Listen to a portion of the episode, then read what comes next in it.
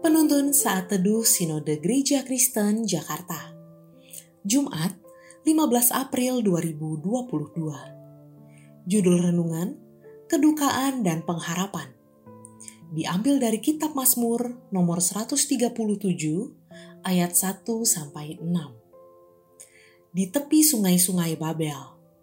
Di tepi sungai-sungai Babel, di sanalah kita duduk sambil menangis apabila kita mengingat Sion pada pohon-pohon ganda rusa, di tempat itu kita menggantungkan kecapi kita.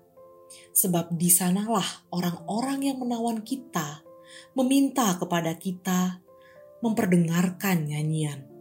Dan orang-orang yang menyiksa kita meminta nyanyian sukacita. Nyanyikanlah bagi kami nyanyian dari Sion. Bagaimanakah kita menyanyikan nyanyian Tuhan di negeri asing?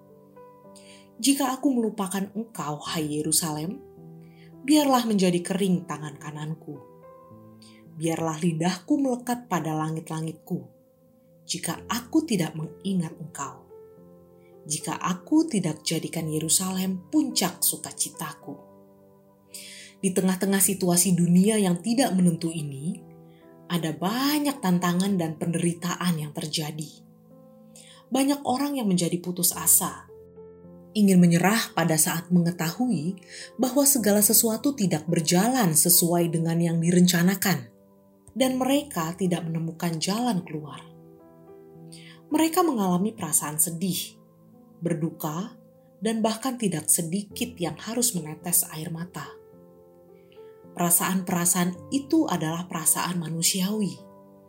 Semua perasaan itu dapat diungkapkan kepada Tuhan, Allah kita sama seperti yang diungkapkan pemazmur. Nas hari ini menggambarkan kesedihan yang dialami oleh bangsa Israel saat dibuang ke Babel. Mereka sedih ketika mengingat Sion. Pemazmur mencurahkan isi hatinya kepada Allah tentang kejahatan yang dilakukan bangsa Babilonia, sekaligus mengungkapkan kecintaannya pada Yerusalem. Allah mendengar seruan pemazmur sebagai hakim yang adil, Allah akan membela bangsa yang telah dipilihnya dan akan membalas kejahatan bangsa Babel pada waktunya.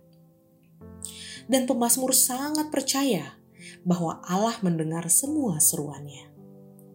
Saudaraku, Mazmur ini mengingatkan kita bahwa pengharapan di dalam Tuhan adalah sauh yang kuat dan aman. Ia menganugerahkan iman sebagai sarana untuk berharap hanya padanya. Ingatlah selalu akan kebaikan dan kasih setia Tuhan, sehingga melaluinya kita dimampukan untuk menjalani segala bentuk ritme kehidupan. Sebab pengharapan kita bersumber dari Yesus Kristus yang menjadi imam besar sampai selama-lamanya. Imam besar bagi kita yang terlebih dahulu menanggung penderitaan kita dan memberikan keselamatan serta pengharapan kekal. Imam besar yang telah mati bagi kita dan memberikan kita kekuatan untuk melewati setiap persoalan dan kesulitan yang terjadi pada kita. Setiap kedukaan dan kesedihan dapat dibawa ke hadapan Tuhan Yesus karena dialah imam besar kita untuk selama-lamanya. Terpujilah nama Tuhan.